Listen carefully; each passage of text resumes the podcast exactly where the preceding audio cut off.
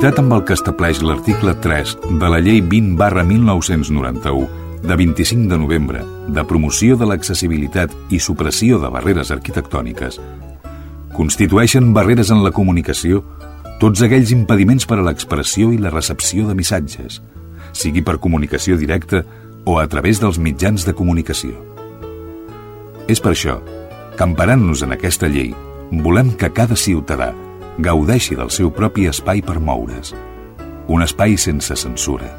Un espai en què vosaltres sigueu els protagonistes.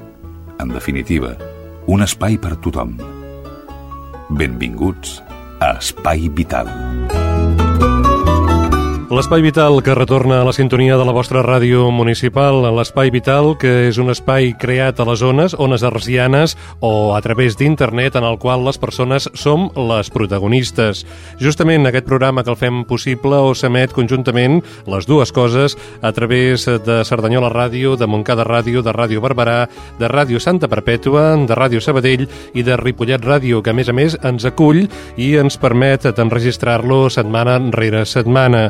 Saludem a la gent que ens acompanya a l'estudi, que aportaran els seus coneixements, la seva simpatia, el seu saber ser i estar en aquest espai radiofònic. La Teresa Diviu, la nostra cuinera adaptada, bon dia. Bon dia a tothom. Molt bé. Doncs també ens acompanya l'Alfredo Ángel Cano, bon dia. Bon dia. I a l'altra banda de l'aparell, a l'altra banda del mirall, en Jordi Puy, que és qui posa els dits, posa la intel·ligència emocional i, diguéssim, la que surt directament del seu cervell, el que faci falta perquè tot rutlli a la perfecció. Vosaltres vosaltres, amigues i amics, que sou a l'altra banda de l'aparell telefònic o escoltant la ràdio a través de l'ordinador, sou indispensables perquè aquest espai, perquè la idea que hi ha al darrere, la idea que el sustenta, funcioni. Saludem també en Xavi Casas, el nostre creador, inspirador, l'ànima que un bon dia va decidir de crear aquest programa de ràdio i també espai a internet, perquè tenim un blog. Uh, Freddy, digue'm allò que dius sempre. Uh, lo de Google o te, te dic el nom de blog? Vinga, el tema de Google que avui farem curt. Mira, eh, poses Google, poses Espai Vital i el primer que surt és eh, el nostre blog. Perfecte. Doncs un blog on trobareu els continguts que avui seran actualitat i molts d'altres que fan referència a la temàtica d'aquest programa.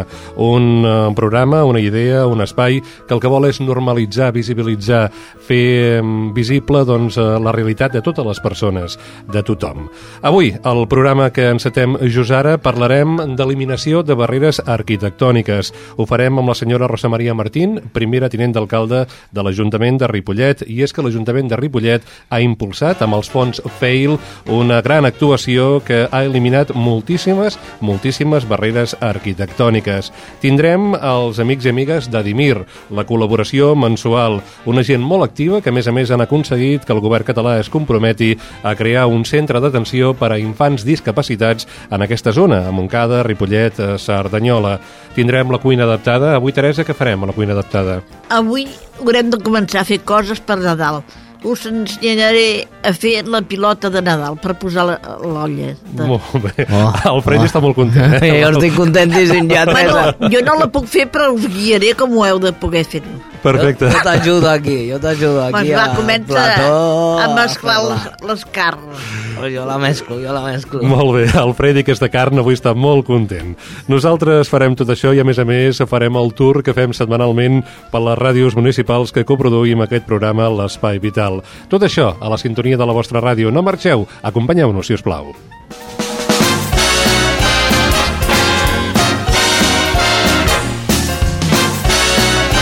Espai Vital, el primer programa adaptat de les zones.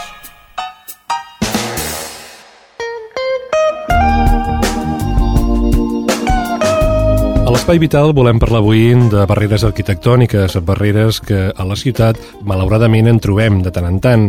Ho volem fer no pas per denunciar que existeixen, que també, perquè només cal passar per les ciutats per a comprovar-ho, sinó d'una acció que s'ha dut a terme a Ripollet per eliminar barreres urbanes, barreres que permetin a la gent amb discapacitats o no circular millor pels carrers d'aquesta localitat. I és que l'Ajuntament de Ripollet, amb els fons FAIL, ha eliminat o eliminarà més de 800 d'aquestes aquestes barreres. En volem parlar amb la senyora Rosa Maria Martín, que és responsable d'urbanisme i primera tinent d'alcalde de l'Ajuntament de Ripollet. Senyora Martín, bon dia. Hola, bon dia. Um, Rosa Maria, 800 barreres arquitectòniques són moltes, són moltes accions a fer a Ripollet. Tantes barreres hi ha al municipi?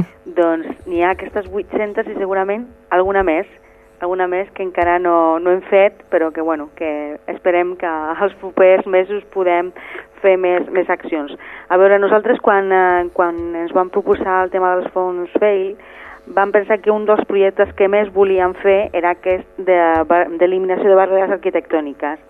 Volíem ampliar aquestes, a les voreres que teníem 80 centímetres, passar-les a 90 i també fer una eliminació de barreres de tots els passos de vianants. Això va ser una aposta molt forta perquè va ser el projecte més gran que vam fer de fons FAIL, 1.800.000 euros, i bueno, nosaltres estem molt satisfets, encara falta alguna cosa per fer, però el canvi que ha suposat per les persones amb dificultats jo penso que és molt gran. De fet, aquí, en aquest programa i en altres eh, edicions, en anys anteriors, eh, ho havíem denunciat, eh, tant a Ripollet com a altres pobles, eh? Sí. perquè, de fet, Ripollet no té pas la patent de Cors, malauradament, mm. sinó que la, potser les nostres ciutats, quan es van fer, doncs no es pensava en la possibilitat que la gent circulés sense barreres. I el que ens agrada és, eh, bé, doncs, veure com eh, un govern doncs, pren consciència d'aquest problema, o, vaja, potser ja la tenia, però té els fons i actua. Eh, suposo que les persones que tenen algun tipus de problema de mobilitat deuen estar força contentes i agraïdes de que s'actuï per eliminar barreres.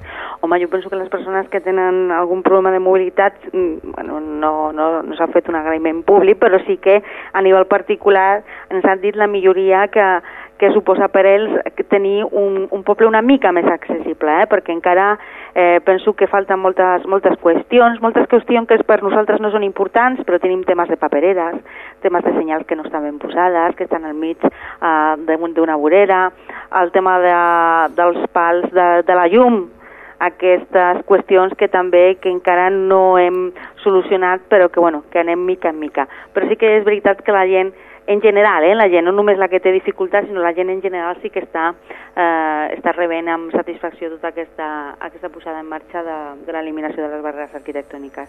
Senyora Martín, permeti'm que em posi una mica filosòfic. El fet de que eliminem barreres físiques de les que es veuen eh, ajudarà a eliminar barreres mentals? A mi ja m'agradaria, a mi ja m'agradaria, perquè això sí que uh, les barreres mentals no, no podem no podem fer cap programa fail per arreglar-ho, no? Però des de l'administració sí que suposo que tenim que, que fer que aquestes barreres físiques ja no ho siguin i jo desitjo que aquestes barreres mentals amb, eh, també, també se'n vagin. Unes barreres mentals, eh, expliquem una mica més, potser doncs, que normalitzin a les nostres ciutats, que permetin que tots els ciutadans i ciutadanes puguin circular pels nostres, nostres carrers, que fins i tot, eh, de vegades, quan nosaltres, quan qui sigui, doncs, eh, empra els carrers de qualsevol ciutat, doncs no hi pensa. Si ha d'aparcar i va comprar un lloc, uh mhm. -huh. doncs eh, col·loca el cotxe davant del lloc i no hi pensa doncs, que potser per allà passarà doncs, una persona discapacitada Exactament. o una persona que d'un cotxet mm -hmm. o el veí o la veïna doncs, que pel que sigui ha caigut i va enguixat mm -hmm. eh, realment potser hem de canviar una mica el xip i aquestes accions de normalització de les nostres ciutats poden ajudar mm -hmm. Jo suposo que sí, a més, eh, això també està molt relacionat amb el tema de la convivència, eh? que amb això sí que tenim que aprendre una miqueta tots, no? el tema, com tu deies, del cotxe que està sobre la vorera, que no deixa passar ningú, que la gent que, que, que va en normalitat ja té problemes, o sigui, una persona que va en cadira de rodes o que, o que té mm, dificultats per, per caminar ja no ho pot fer, no? La gent que, que aparca el seu cotxe en un, en un pas eh, de vianants, tan senzill com això, de, això són 5 minuts i que impedeix que, que la gent eh, pugui eh, creuar el seu carrer, el seu poble amb normalitat. Totes aquestes coses també estan molt relacionades amb l'incivisme que jo penso que és, que és una altra fita que tindrem que, que encetar molt aviat perquè comença a, a veure certa, certa generalització d'aquestes qüestions com normals i no ho són. Vostès a Ripollet, i parlem d'una altra campanya, doncs eh, ja fa uns mesos van iniciar una iniciativa també interessant, que era de les coses on i les coses off Sí. eh, que s'han de fer a la ciutat, coses que estan ben fetes o bones pràctiques i coses que no s'haurien de fer. I en aquest cas també vostè parlava de normalitat, de bona convivència, doncs eh, també entraríem en aquesta línia, no? una mica de que la ciutat sigui més amable per tots, la fem entre totes i tots, i, i de fet hem de tenir consciència d'això, que no, no, no pas allà, no, allò d'anar sempre amb el jo pel davant. Mhm. No, no, ai, nosaltres fem des de fa molt de temps, l'alcalde fa visitar els nens i els explica que doncs, els carrers és com a casa seva, mm? i si a casa seva no, no, no fan coses com mm, tirar un paper al, a terra, doncs al carrer tampoc, no? Doncs igual tenim també que, que explicar-li això als adults, no? Que els carrers són casa nostra, que és el lloc on, eh, on, on, on vivim, on anem, on, eh, on fem moltes qüestions i, i que estigui bé, que estigui net i que estigui en condicions és qüestió de tots. Molt bé, vostè és responsable d'urbanisme, com dèiem en, en presentar-la, i als ajuntaments els toca regular qualsevol actuació que es fa en el seu terme municipal. um, vostès eh, ja hi pensen a l'hora de redactar la normativa urbanística doncs, eh, en aquests temes d'accessibilitat? Eh, per exemple, doncs, no sé, eh, se m'acut ara, eh? si un banc ha de venir a instal·lar-se a Ripollet o una caixa, doncs que el caixer automàtic estigui situat de forma que si vaig en cadira de rodes pugui utilitzar aquell caixer. Vostès hi pensen en això? Ho van introduint a poc a poc? El, el que passa és que això no és competència directa de l'Ajuntament i hi ha una normativa molt clara en, en aquest aspecte, no? Per exemple, amb el tema dels bancs no, no conec cap, cap, cap normativa, no sé si existeix o no, el tema de la- de l'altura de, dels caixers. Però nosaltres el que fem és, quan tenim que donar llicències o aprovar activitats, hi ha una normativa de la Generalitat que, que té que complir eh, tant a nivell urbanístic com d'activitat i és el que fem. Eh? Nosaltres segurament no, no, som, no, no fem aquesta, aquest treball. Uh -huh.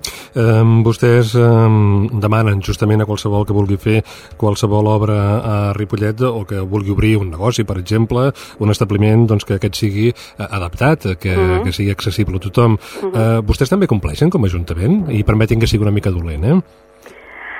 Doncs eh, a mi em sembla que sí que complim. Ho diu en la boca petita. No, Pel ho que dic sabem- perquè tenim un petit problema. Mira, jo t'explico. Nosaltres tenim, eh, no tenim un únic ajuntament i tenim eh, diferents eh, centres gestors, no? Tenim un, eh, un, on està serveis urbanístics i serveis municipals, que tenim una planta llogada que arriba al mes número 8. Per accedir, eh, per accedir, hi ha un petit esglaó que la normativa diu que, compleix barreres arquitectòniques. A nosaltres ens agradaria aquest clau que no existeixi, però existeix perquè estem en, en, un, eh, en un edifici que no és nostre, que estem a una planta... Jo sé que això ha provocat mm, per a una persona amb problemes doncs, que, que ens digui eh, això no compleix normativa. Compleix normativa, però és un petit esglaó que la gent té que fer per accedir a una part de l'Ajuntament. Per això ho deia amb la boca petita. Molt bé, però n'és conscient i ho ha dit, eh, la qual cosa doncs, denota que en té consciència i que, i que es treballarà per a, per a suprimir o per a facilitar l'accés a tothom amb, amb normalitat. Ho intentem.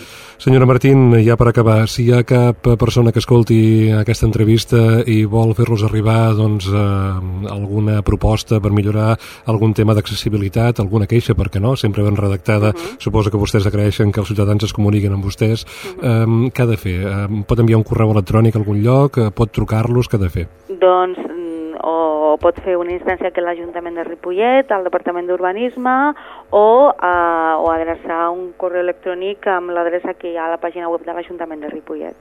Doncs molt bé, senyora Rosa Maria Martín, primera tenint d'alcalde de l'Ajuntament de Ripollet i responsable d'urbanisme d'aquest consistori. Ens ha agradat molt de parlar amb vostè i conèixer aquestes accions que han dut a terme al seu municipi amb els fons FAIL per eliminar barreres eh, doncs, arquitectòniques. Més de 800 actuacions al municipi, la qual cosa doncs, és prou lloable i així penso ho hem volgut fer aquí en aquest programa. Moltes gràcies i molta sort. Moltes gràcies a vosaltres. Estàs escoltant Espai Vital.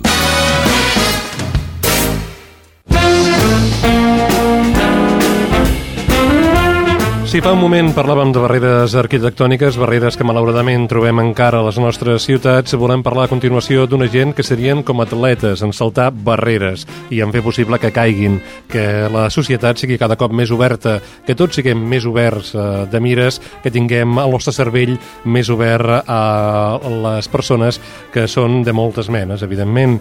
Per això volem donar pas als amics i amigues de Dimir, que arriben, com sempre, amb les seves col·laboracions. Endavant. Hola, Jordi, benvinguts, salutacions a tothom. Un dia més, eh, en un espai a Dimir més, i avui amb una gran, gran, gran notícia. Eh, avui anem a comentar eh, la, que la setmana passada es va aprovar al Parlament de Catalunya per unanimitat que el govern de Catalunya es posi en converses, faci reunions amb l'entitat Adimir, la nostra entitat, per desenvolupar, treballar i eh, esperem a la llarga, evidentment, posar en marxa el centre pilot d'atenció integral a Montcada de Reixac, Cerdanyola i Ripollet.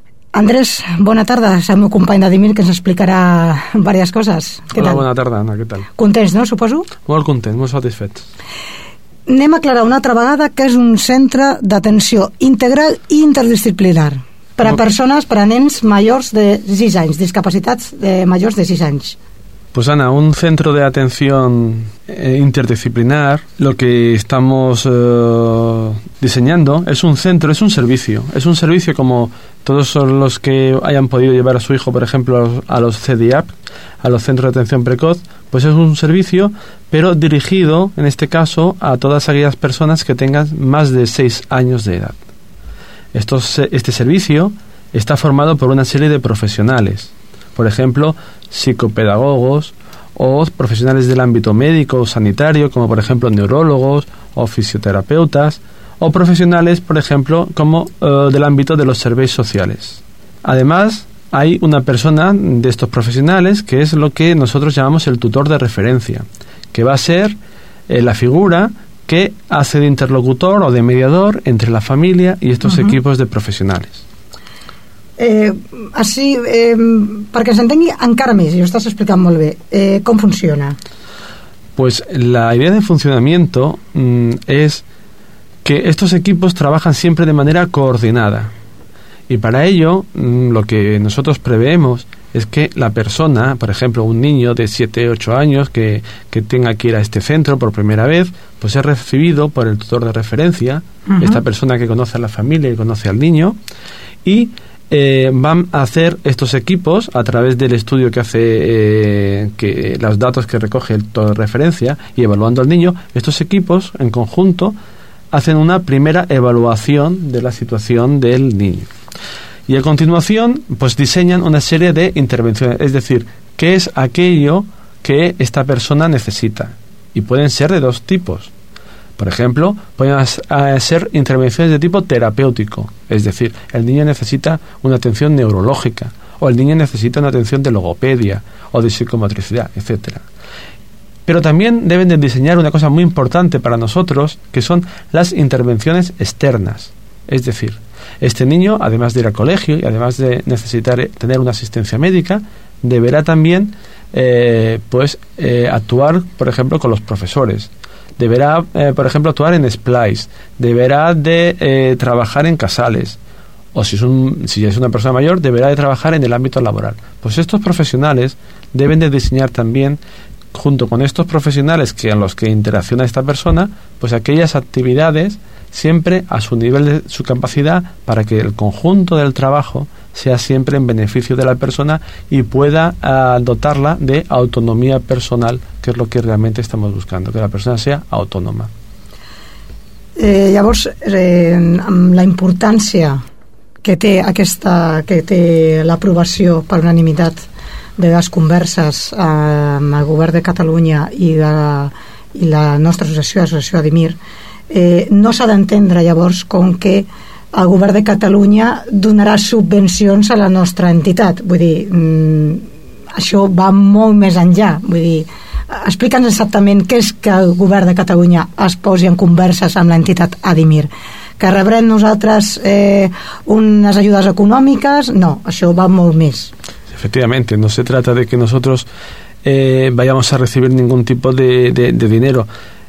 Una cuestión totalmente distinta. Lo que, eh, como acabo de indicar, hemos solicitado es que exista un servicio, un servicio eh, dotado de profesionales a los que las personas van y son atendidas y se les eh, se les mm, da una serie de intervenciones para su mejoría en la calidad de vida. O sigui que en aquest centre, finalment, si fos una realitat, si el dia de demà podem tenir aquest centre d'atenció integral per a nens amb discapacitat majors de 6 anys, podrà anar-hi tothom que ho necessiti, eh, no té res a veure amb que sigui soci o no sigui soci d'Adimir o que Adimir hagi fet aquesta proposta o hagi, tirat, hagi pogut tirar endavant aquest projecte, sinó que Adimir a part de, de posar endavant, de fer aquesta, aquest projecte, hi ha altres associacions que també eh, van presentar en el seu moment un, propostes semblants de fer centres d'atenció integral. El que això vol dir concretament és que si es fa realitat aquest centre, qualsevol persona major de 6 anys que tingui una discapacitat podrà, estarà atès perquè serà un servei públic i serà un servei universal. Aquí l'únic que hem fet des d'Adimir és eh, posar en marxa un projecte, presentar-ho al Parlament, eh, van tenir la sort de que un grup polític ens agafés, eh, ens agafés la paraula a aquest projecte i finalment hem aconseguit eh, l'aprovació de que el govern de Catalunya es posi en contacte, faci reunions i comenci a treballar i a veure exactament què és el centre d'atenció integral. Efectivamente. Eh, el centro de- que nosotros estamos eh, como propuesta trabajando es un centro de atención pública, es decir, puede ir todo el mundo y universal, es decir, eh, ha de ser gratuito. Todo el mundo puede acceder independientemente de, de la edad que tenga o de, de la escala social a la que pertenezca. Y eh, el objetivo de todo esto es eh, que Adimir hace la propuesta y trabajará a partir de ahora en el desarrollo de la propuesta junto con otras asociaciones. Nuestra intención es poder trabajar coordinadamente con otras asociaciones que también tienen nuestras mismas necesidades y el objetivo final es que se pueda llegar a aprobar en la comisión del Parlamento y a partir de ese momento que sea una realidad. O sigui que al final guanyaríem tots i seria en benefici de tots. En beneficio de tothom. Eh, doncs també tenim aquesta tarda, ara tenim, ja hem tingut la part eh, del nostre company d'Ademir, eh, l'Andrés, i també tenim la part eh, política. De, tenim la sort de comptar aquesta tarda amb el senyor Pere Boix, eh, diputat d'Esquerra Republicana al Parlament, membre de la Comissió de Benestar i Immigració, i va ser portaveu del tripartit en aquesta comissió en el moment que es va sometre a votació la proposta de resolució per la creació d'un centre d'atenció integral i interdisciplinar a Montcada i Reixac, Cerdanyola i Ripollet proposat per Convergència i Unió arrel de la nostra proposta, la proposta que va fer Adimir al mes de juliol. Senyor Pere Boix, bona tarda. Bona tarda. Bona tarda. Moltes gràcies per estar amb nosaltres, moltes gràcies per dedicar-nos eh, doncs una mica del seu temps i molt agraïts, la veritat, sincerament. Gràcies a vosaltres. Eh, la setmana passada, com vostè ja sap, mm, eh, evident molt bé, eh, es va aprovar per unanimitat eh, la proposta de resolució, en aquesta proposta de resolució de la creació d'un centre d'atenció integral interdisciplinar, es va aprovar que, eh, per unanimitat que el govern de Catalunya entraria, faria una sèrie de, de, de reunions eh, o començaria a parlar amb la nostra entitat, amb l'associació d'IMIR, per desenvolupar, per estudiar el projecte de la creació d'un centre pilot d'aquest tipus. Eh, arrel, arrel de la- de l'aprovació la, eh, per unanimitat eh, d'aquestes converses, de que el govern de Catalunya estudi aquest, aquest projecte, doncs eh, la veritat és que a nivell local, i no només local, hem tingut una repercussió medi mediàtica important i a nosaltres ens agradaria eh, en aquests moments fer una mica de repàs de tot el que ha estat la situació parlamentària d'Adimir eh, amb, amb aquest projecte i a mi m'agradaria preguntar-li a vostè eh, què li va semblar? O sigui, Adimir va en el seu moment, al mes de juliol, a presentar una proposta. A mi m'agradaria preguntar-li què li va semblar en aquell moment la proposta que va fer eh, Adimir al Parlament de Catalunya i, posteriorment, la votació eh, que va haver-hi la setmana passada con respecte a aquesta proposta de resolució que, ens, que va presentar Convergència i Unió. Quina, fa, quina doncs. valoració fa? A veure, doncs, com bé comentava, va haver-hi aquesta compareixença, si no vaig errat, el mes de, el mes de juny. Sí, eh, Va ser una compareixença de tots els de juliol, de juliol. De juliol. el mes de juliol, perdó, Sí, sí. que tots els grups parlamentaris en van fer una valoració molt positiva Uh -huh. i eh, jo recordo que personalment em vaig comprometre, i més més em sembla que consta l'acte i tot, eh, a fer de mitjancer amb el Departament d'Acció Social i Ciutadania doncs, per estudiar doncs, aquesta proposta. Uh -huh. Eh, haguéssim desitjat que la proposta s'hagués presentat per tots els grups municip eh, tots els grups del Parlament, però Sí. és igual, el que és important és que s'hagi pogut aprovar per unanimitat, Ah, és el més eh, important per nosaltres, Uh -huh. eh, tot i que en el seu moment doncs, va, va costar bastant, i a partir d'ara doncs, eh, el, que, el que cal és fixar un calendari, que de fet ja hi ha una primera data de trobada, Sí. i a partir d'aquest calendari doncs, estudiar aquesta, aquesta possibilitat. Mhm. eh, nosaltres, lògicament, i en aquest sentit doncs, suposo que parlo de, en nom dels tres grups que, que formen l'entesa de govern, doncs, eh, intentarem apretar al màxim i ajudar doncs, perquè, perquè pugui concretar-se. No sabem si serà exactament tal com es planteja, Uh -huh. però com a mínim que se'n pugui parlar, que jo crec que això ja és prou important. Nosaltres des de l'associació la veritat és que estem contentíssims i estem, la veritat és que estem molt feliços.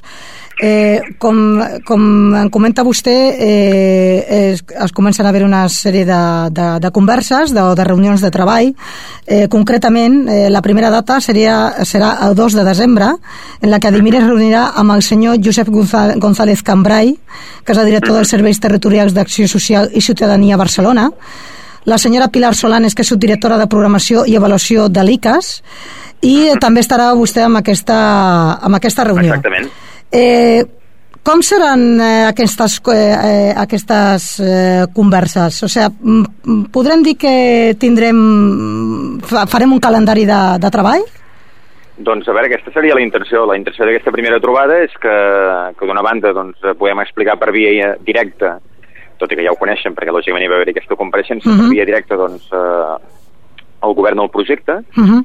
i a partir d'aquí establir un calendari de treball. Aquesta és la voluntat. Jo de les converses que n'he tingut amb el senyor González Cambrai, precisament el compromís era això, fixar un calendari i treballar-ho conjuntament.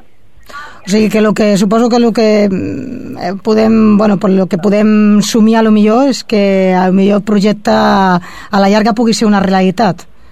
Doncs home, esperem que, que sí. No, no sé si serà exactament tal com es planteja, però que jo crec que d'alguna forma o altra el govern se'l pugui fer, fer seu. Això és el que, el que desitgem. La voluntat precisament d'aprovar la proposta de resolució Ahà. no és allargar el tema, sinó fixar un calendari i, i treballar-ho I i, veure de quina treballar. forma pot encaixar això amb el que és programació territorial del departament. El departament té una programació territorial Mhm. eh, que la va renovant cada X temps i el que voldríem és precisament que hi pogués encaixar-hi. I ara, senyor, senyor Bosch, eh, anem més enllà. Jo li demano que ens, anem a somiar una mica, que a vegades a nosaltres ens agrada somiar. I... A tots ens agrada somiar, a mi també. L'objectiu, jo li volia dir, l'objectiu final, després d'aquestes reunions de treballs, que òbviament són molt importants, és que el projecte torni a la comissió per la seva aprovació definitiva? A veure, no, no té per què tornar a la, a la comissió. El projecte Mhm. el que se l'ha de fer seu és el govern. Sigui, a hores d'ara, a través d'aquesta proposta de resolució, que vàrem dir és eh, al govern, li vàrem llançar un missatge des del Parlament al govern, escolta'm, hi ha aquesta proposta, treu-la conjuntament, establir un calendari, Sí. i a partir d'aquí la funció del Parlament ha de ser de, de seguiment i de control doncs, de- d'aquestes d'aquestes reunions que s'han de, de mantenir. Uh -huh. No és necessari que No el necessari. govern es pronunciï, perquè hi ha molts altres projectes doncs, que el govern impulsa i que no necessàriament han de tenir una, un suport parlamentari. El que és important, repeteixo, és que el govern, que és la part executiva, que és Sí. el que ha de tirar endavant el projecte, se'l faci seu, d'alguna forma o altra, i que a partir d'aquí doncs, es posi, eh, posi fil a l'agulla i comenci a treballar-hi. Nosaltres, per la nostra part, eh, posarem tota, tota l'energia i la dinàmica i la feina que faci falta perquè finalment eh, aquest centre pilot d'atenció integral i interdisciplinar per a nens discapacitats majors de 6 anys eh, doncs, eh, sigui eh, una realitat. Eh, senyor Home, jo Bosch, posaré, sí, sí, posaré sí. tota la part que també em correspongui, perquè a més a més, eh, repeteixo, jo crec que quan, vareu, eh, quan l'entitat va venir a compareixer al Parlament es va demostrar que estava fent molt bona feina Gràcies. i, i més enllà del, del somni, Mhm. eh, el que hi ha és que lògicament s'ha de fer un reconeixement a la tasca que porti l'entitat i jo crec que la millor forma de reconèixer-ho és que el, el govern se'l faci seu Sí. i que d'alguna forma es pugui, o altres pugui concretar. Jo crec que més enllà de declaracions el que és important és això, que el govern se'l faci seu. Doncs, eh, senyor Pere Bosch, eh, que ha estat un plaer que estigui amb nosaltres, que es doni aquestes explicacions més eh, polítiques, eh, per dir d'alguna manera, de com funcionaria o com s'hauria de fer o quines, eh, quins tràmits, per dir-ho també d'alguna manera, pues, s'ha de fer perquè millor aquest centre sigui una realitat. Gràcies pel seu, temps, pel seu temps, eh, gràcies per les seves respostes i eh, anirem estant en contacte perquè bueno, anirem parlant d'aquestes reunions eh, de treball. Molt bé. Senyor Bosch, Eh, moltes moltíssimes també, gràcies. Doncs, gràcies per la vostra feina i espero doncs, que us pugui seguir al llarg de tot el procés i que al final es pugui concretar. Moltes gràcies. Una abraçada. Gràcies a vosaltres. Gràcies, adéu, adéu. adéu. Doncs, eh, estimats amics, estimats eh, oients, companys, eh, membres d'Adimir, eh, estem molt contents de, bueno, pues, doncs, que s'hagi aprovat per unanimitat eh, començar a fer unes converses pensem que el govern de Catalunya està per la feina, s'ha enterat de la situació, vol saber la situació de les persones amb discapacitat. Eh, volem agrair també el recolzament de tots els grups polítics del nostre municipi i volem agrair eh, a tots els que ens escolteu i a tots els que us doneu el vostre suport al carrer a través de missatges a la nostra web doncs de que nosaltres continuarem treballant, continuarem tirant endavant perquè les persones amb discapacitat tinguin, de, tinguin de un, puguin estar a la nostra societat i tinguin els seus drets. Ja sabeu que us podeu posar en contacte amb nosaltres a través del correu electrònic adimir-hotmail.com i que també teniu la nostra plana web que és una http dos punts, dos barres, www.adimir.moncada.cat Moltíssimes gràcies, una abraçada ben forta i continuem endavant. Adeu Jordi, fins aviat. Això és Espai Vital.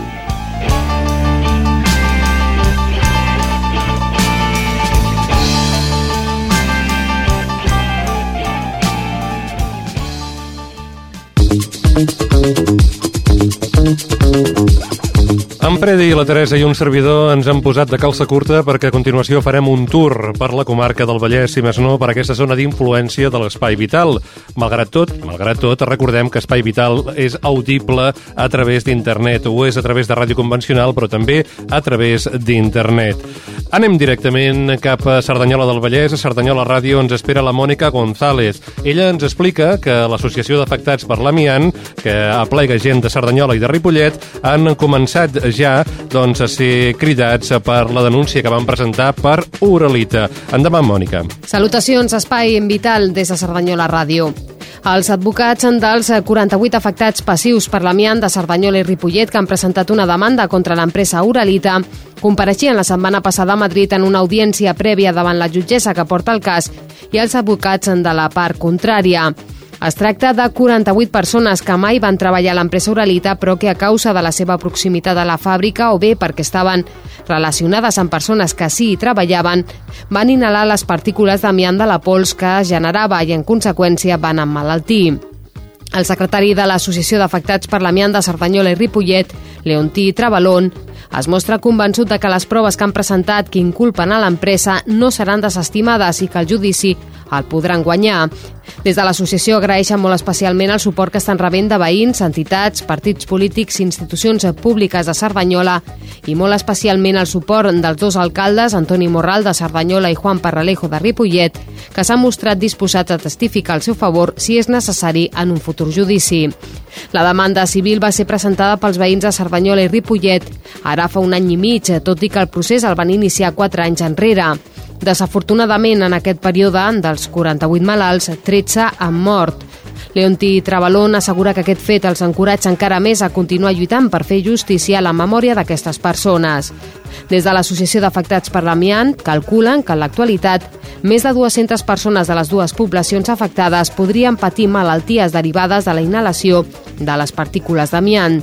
Segons un informe de l'Institut d'Investigació en Atenció Primària, Jordi Gol, una de cada tres persones malaltes per l'amiant no van estar exposades laboralment a aquest producte. Aquesta conclusió confirma els fets que denuncien les 48 persones que han demandat Uralita. I això és eh, tot des de Cerdanyola Ràdio. De Cerdanyola cap a Ripollet i no ens cansem perquè just acabem de començar aquesta passejada per la comarca. Ripollet ens espera i ens dona molta aigua i informació la Francina Ricard, que ens parla del Dia Mundial dels Antibiòtics. Salutacions a l'Espai Vital. El passat dimecres 18 de novembre ha estat declarat per la Unió Europea com el Dia Europeu de l'ús prudent dels antibiòtics, amb l'objectiu de crear una oportunitat anual per conscienciar la població sobre la necessitat de l'ús correcte d'aquest tipus de medicaments. Els professionals del SAP Cerdanyola Mollet se sumen a aquests esforços per recordar a la població el missatge clau que cal considerar a l'hora de fer ús correcte dels antibiòtics. Els antibiòtics només són eficaços per infeccions causades per bacteris. Per tant, no s'han d'utilitzar per tractar infeccions causades per virus com el refredat comú o qualsevol tipus de grip, inclosa la grip A. El diagnòstic correcte i la decisió respecte a la necessitat d'administrar antibiòtics és competència del metge. Cal recepta del metge perquè l'oficina de farmàcia els pugui dispensar i s'ha d'evitar l'automedicació. Cal seguir les recomanacions del metge per a la presa d'antibiòtics que recepti. Per exemple, abandonar un tractament abans de la durada receptada pot originar l'aparició de bacteris resistents a l'antibiòtic. Cal tenir en compte que tots som responsables d'aconseguir que els antibiòtics continuïn sent eficaços durant molts anys més. Si tots en som conscients i seguim aquestes recomanacions senzilles, és molt probable que ho aconseguim. Salutacions des de Ripollet Ràdio. Anem cap a Montcada i Reixac. A Montcada Ràdio, la Sílvia Díaz ens explica que en aquesta localitat, com també a moltes d'altres, ha començat la campanya de vacunacions sobre o contra la gripa. Hola, salutacions des de Montcada, l'Espai Vital. La campanya de vacunació contra la gripa, com a la resta de municipis, ha començat a Montcada. L'impacte mediàtic que hem anat veient durant els darrers mesos no s'ha traduït al nostre municipi en una llau d'usuaris demanant la vacuna contra la malaltia que es dispensa als dos ambulatoris i al Centre Municipal de Salut de Can Sant Joan. Els centres de salut de la plaça Lluís Companys i de les Indianes s'han habilitat un servei especial per dispensar la vacuna, que atén dues hores al matí i una a la tarda, mentre que a Can Sant Joan la injecció es posa durant l'horari habitual de visita. El personal sanitari dedicat a aquesta tasca segueix estrictament les recomanacions del Ministeri de Sanitat i indica als usuaris els efectes secundaris que pot tenir el tractament. Segons diu l'Estat, la vacuna pot provocar una mica de cansament o potser picor, però no febre.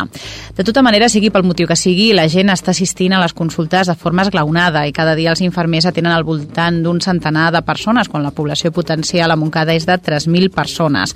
A diferència del que passa amb l'estacional, la vacuna de la gripa només es dispensa a aquelles persones que la tenen recomanada, com els malalts crònics amb patologies pulmonars, cardiovasculars, anèmies, afectacions del fetge o els obesos mòrbids. També és un tractament especialment recomanat al personal mèdic, als cossos de seguretat, als bombers o als treballadors de residències i altres centres assistencials. En el cas de les embarassades, la vacuna també és recomanable, però encara no ha arribat a Espanya la injecció sense adjuvant, un component que pot generar problemes en la gestació. Doncs bé, això és tot per avui. Fins la setmana vinent. Informacions totes interessants, eh, com també la que ens arribarà des de Barberà del Vallès, l'emissora municipal d'aquest eh, municipi, eh, i a través de la Judit González ens explica que s'ha dut a terme una conferència sobre la depressió i la seva relació amb l'autoestima. Salutacions des de Ràdio Barberà. El passat dimecres, la Sala Salvador Allende de la Biblioteca Esteve Paluchier va acollir la conferència La depressió i su relació con l'autoestima, una xerrada organitzada per l'Associació en Defensa de la Medicina Natural. Aquesta entitat es va crear a la nostra ciutat amb la finalitat de divulgar i donar a conèixer la medicina natural i les diferents tècniques, les seves teràpies i com a objectiu final aconseguir que aquest tipus de medicina formi part del sistema públic de la seguretat social. L'Associació en Defensa de la Medicina Natural aprova la idea de que aquelles persones que es trobin a prop d'algú que pateixi depressió han de reflexionar sobre els seus éssers més estimats, ja que potser poden necessitar ajuda, fet que nosaltres no sempre estem receptius a veure-ho. A la xerrada, doncs, es va proposar una guia per aprendre a escoltar i actuar davant aquestes situacions. Anem cap a Santa Perpètua de Mogoda. L'Estrella Núñez ens comenta que hi ha veïns d'aquella localitat que han estat eh, cridats a participar en cursos d'equitació adaptada. Hola, salutacions des de Ràdio Santa Perpètua. Una desena de membres de l'Associació de Disminuïts de Santa Perpètua participen en una jornada d'equitació adaptada organitzada per la Regidoria d'Esports i la Diputació de Barcelona. L'equitació adaptada afavoreix la millora de l'equilibri, la mobilitat, la comunicació, millora el to muscular, la La deambulació i coordinació augmenta el control de reflexes, facilita la capacitat de relaxació muscular i millora l'autoestima. Els objectius de la jornada són establir contacte amb aquest esport i experimentar les sensacions que aporta muntar a cavall, així com conèixer els hàbits i els comportaments de ponis i cavalls. El programa de la jornada d'equitació adaptada s'inicia sempre amb la presentació del personal i de les normes de seguretat a seguir. A continuació, es preparen els cavalls, se'ls ensenya a respatlar-los i ensellar-los i després es fa una classe pràctica d'equitació. La jornada de tot el dia inclou el dinar i diversos jocs. Els membres de l'Associació de Disminuïts de Santa Perpètua fan l'activitat acompanyats de personal de la regidoria d'esports. La jornada d'equitació adaptada s'emmarca en el programa esportiu per a persones amb discapacitats de la Diputació, al qual ha estat adherit l'Ajuntament de Santa Perpètua de Mogoda. Aquest programa es fonamenta en els beneficis a nivell físic, psíquic i socials que aporta practicar esports recreatius en el medi natural. Aquests beneficis es veuen incrementats amb la interacció dels animals, com és el cas d'aquesta activitat típica adaptada. I això és tot des de Santa Perpètua. Salutacions! Tancarem el recorregut a Sabadell. En Xavi Miralles, en company redactor dels serveis informatius de Ràdio Sabadell, ens explica que a la seva ciutat, a Sabadell, 4.500 ciutadans ja han rebut ajuts de la llei de la dependència. Així tot, l'Ajuntament d'aquesta ciutat ha tramitat, ha tramitat més del doble de peticions en aquest sentit. Escoltem en Xavi. Salutacions des de Sabadell. Més de 4.500 sabadellencs ja han rebut ajudes procedents de la llei de la dependència des que va començar el seu desplegament l'any l'any 2008. No obstant això, l'Ajuntament, a través de l'Oficina de la Dependència, ha tramitat més del doble de sol·licituds per acollir-se a aquestes prestacions, prop d'11.000. Això deixa palès la lentitud amb què es desenvolupa tot aquest projecte. Amb dades de 2009 a la mà, de les més de 6.500 sol·licituds que s'han tramitat, només 3.000 sabadellencs ja es beneficien de les diferents prestacions que atorga la llei de la dependència. 3.000 persones a les quals també cal sumar les 1.500 que ja rebien l'ajuda des de 2008. El regidor junt de Serveis Social, Ramon Burguès, ha justificat d'aquesta manera la lenta aplicació de la llei de la dependència. Nosaltres fem una valoració positiva. Crec que eh, el desplegament o la posada en pràctica de, de la llei és lenta però eh, positiva. Teniu en compte, o teniu en compte que es tracta d'un desplegament que ha, de, que ha de tenir en compte diferents nivells d'administracions, l'estatal, l'autonòmica i la municipal.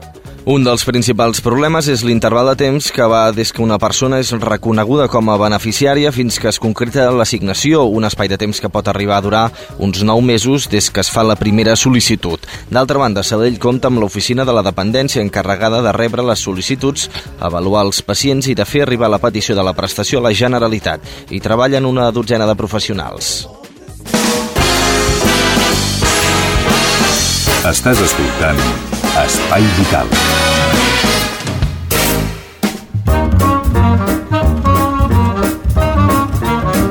Davant el posat anem directament cap a la cuina, la cuina adaptada de la Teresa Diviu. Avui la cosa va de pilota perquè ja comencem a pensar en els àpats nadalencs. Uh, Teresa, què hem de menester per fer aquesta pilota? Mira, 200 grams de, de carn de pollastre, 200 de vedella i 200 de, de carn de, de porc, en botifarra d'aquelles desfetes. La poseu en un bol gros i allà la, la junteu i poseu sal i pebre. Si no el voleu posar ja, us poseu, doncs agafeu dos ous, els trenqueu i els poseu en un plat, els bateu i poseu la sal i el pebre. També hi poseu all i julivet trinxat allà dintre. Ho bateu i ho poseu a les carns. Ho barregeu bé, ben barrejat i poseu també dues cullerades de pa ratllat i ho aneu barrejant tot bé, que s'ajunti bé. Si voleu que quedi més consistent, que vagi més bé per lligar la pilota, doncs ho poseu una hora a la nevera o dues, allò que, que agafi més consistència. Quan hagi passat les dues hores, ho agafeu i feu, doncs mira, d'aquell tall potser us surten quatre pilotes. Jo, el que fem, les guardem. Les passem que feu, feu quatre trossos, una per una, les passeu per farina de pa. Allò ben enfarinades i les poseu en paper film. Les emboliqueu i les guardeu al congelador. I així com necessiteu fer caldo bo, doncs ja el teniu la pilota feta. ja veureu que us agradarà més. I aneu una per una anar embolicant en paper fil i les deixeu al congelador. Quan us fa falta per fer caldo bo, doncs agafeu una pilota, ja la teniu feta, i no us heu d'entretenir cada dia fent pilota. Molt bé, llavors quan tinguem el caldo, un cop fet el bullit amb tots els ingredients, eh, doncs eh, Sí. en aquell moment l'hem de posar, eh, quan ja tenim el caldo, doncs El fem caldo, la sopa, sí, allò- si volem, i llavors eh, les patates, cigrons, Sí, la bueno, carn que hem l'altre dia posat... us explicaré com es fa el caldo de Nadal. Molt bé, un caldo que- especial. Sí, perquè hi ha tres dies, ja només per donar-lo de Nadal, doncs jo tinc calculat un dia caldo, un dia rostit, i un altre dia doncs, doncs farem una sarsuela, va. Déu-n'hi-do, déu nhi déu Tinc el meu estómac i suposo que el del Eh, Freddy jo- eh, El meu estan, ja- a punt, ja- estan a punt de revoltar-se, eh? Pues mira, pues mira que el meu. Jo ja tinc gana. No, no, revoltar-se perquè ens fas venir salivera, Teresa. Això no pot Home, ser. És que és així la vida. Molt bé, i tant que sí, que no hi falti, eh? Que no hi falti... Home, que... menjar eh, s'ha de menjar sa. Cosa, pues sí, bueno, és fregida, però cosa bona. No és res, cosa de... Perquè peix, pues es pot menjar. Mira, si no és fresc, congelat. La carn o pollastre, si no és d'aquests de pagès grossos, ja us dic ja de, dels altres normal, grossos de la pota groga, que surten també molt bons. Ja us diré d'una manera que podeu fer allò un pollastre gros, rostit, i a més a més dels menuts i de, dels ossos del, dels pits, perquè els pits els faig jo desossar, i aquell os també mira per caldo. I teniu les petxugues, doncs mira, si no les voleu fer rostides, doncs hasta en quatre a la planxa. Molt bé. Hi ha moltes maneres d'un pollastre gros, aprofitar-lo. Perfecte, el pollastre és com el porc, s'aprofita pràcticament tot, Sí. eh? En Freddy i jo utilitzarem eh, uns pitets perquè, de veritat, Teresa, eh, és increïble sí. això, la salivera. Anem directament amb la sintonia d'en Freddy. En Freddy, ràpidament, és el nostre cercador i ens porta notícies escollides del blog del programa. Sí. Ah, los riesgos de ser fumador pasivo en la infancia. Cuando son cada día más los países que garantizan que el ciudadano no se ve expuesto a los humos del tabaco ajeno en lugares públicos, aún queda un frente abierto. ¿Qué pasa cuando un e- el enemigo está dentro del hogar? Y cuando son menores los que viven en un entorno ahumado. Un estudio presentado en las sesiones científicas de la Asociación Americana del Corazón 2009 confirma que el humo secundario, el que aspiran los fumador- fumadores pasivos, hacen estragos en la salud de los niños más pequeños, sobre todo si son obesos. Tal y como explica John Anthony Bauer, uno de los coautores de este trabajo e investigador del Hospital Infantil Nacional e Instituto de Investigación de la Universidad Estatal de Ohio en Estados Unidos, el humo secundario aspirado por los niños no es solo malo para los problemas respiratorios, como había sido descrito previamente por otros investigadores. Nuestros datos apoyan la opinión de que los efectos cardiovasculares del humo secundario en los niños son muy importantes, en especial para aquellos que son muy pequeños y para los obesos. Nos habíamos investigado el impacto de la obesidad en los estudios anteriores, destaca Bauer. Molt bé, doncs ens quedem amb aquesta notícia. Gràcies a Freddy, gràcies Teresa, gràcies també a en Jordi Puy, a les vies tècniques i a vosaltres, amics i amigues, oïdors, oïdores. Recordeu que l'Espai Vital s'emet i realitza conjuntament per les ràdios municipals de Cerdanyola del Vallès, Montcada i Reixac, també en Ripollet Ràdio, Barberà del Vallès, Santa Perpètua de Mogoda i Sabadell. Nosaltres us anunciem que la setmana vinent parlarem d'un observatori eh, dedicat a l'observació dels astres celest que està preparant una activitat adaptada a persones invidents. I a més a més eh, donarem ja informació sobre la marató dedicada a malalties rares. N'hem parlat o parlarem amb la seva coordinadora. Marxem amb música, amb música en aquest cas una versió molt especial d'un clàssic d'en Joan Manuel Serrat, Paraules d'amor. És una novetat, el canta en Miquel Gil, acompanyat per en Manel Camp Trio i en David en Pastor. Adeu-siau i ens retrobem, si voleu, la setmana vinent a la vostra ràdio municipal.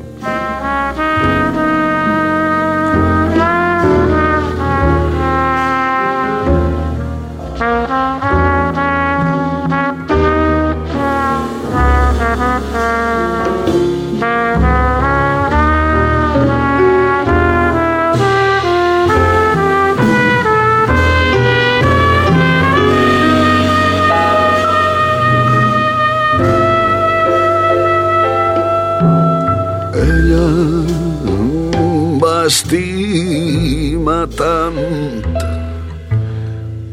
Jo me l'estimo encara i plegats vam travessar una porta tancada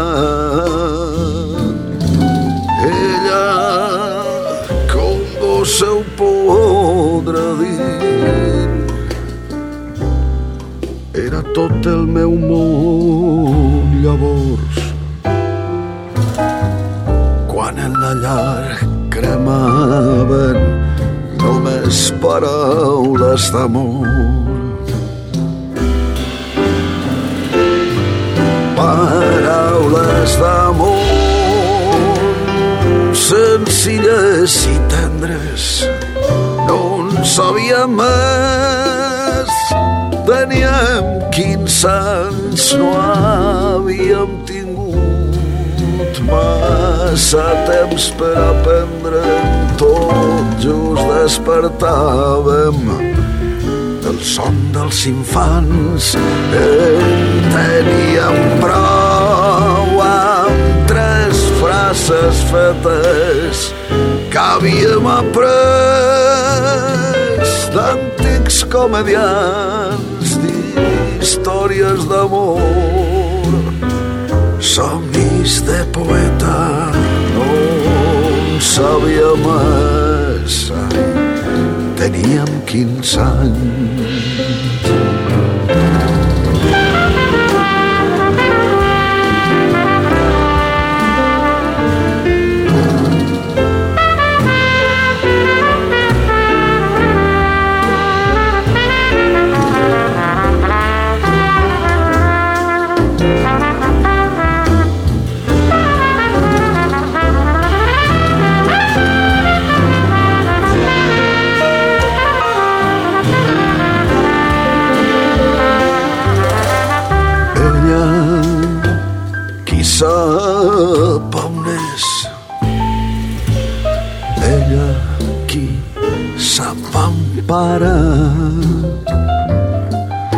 vaig perdre mai més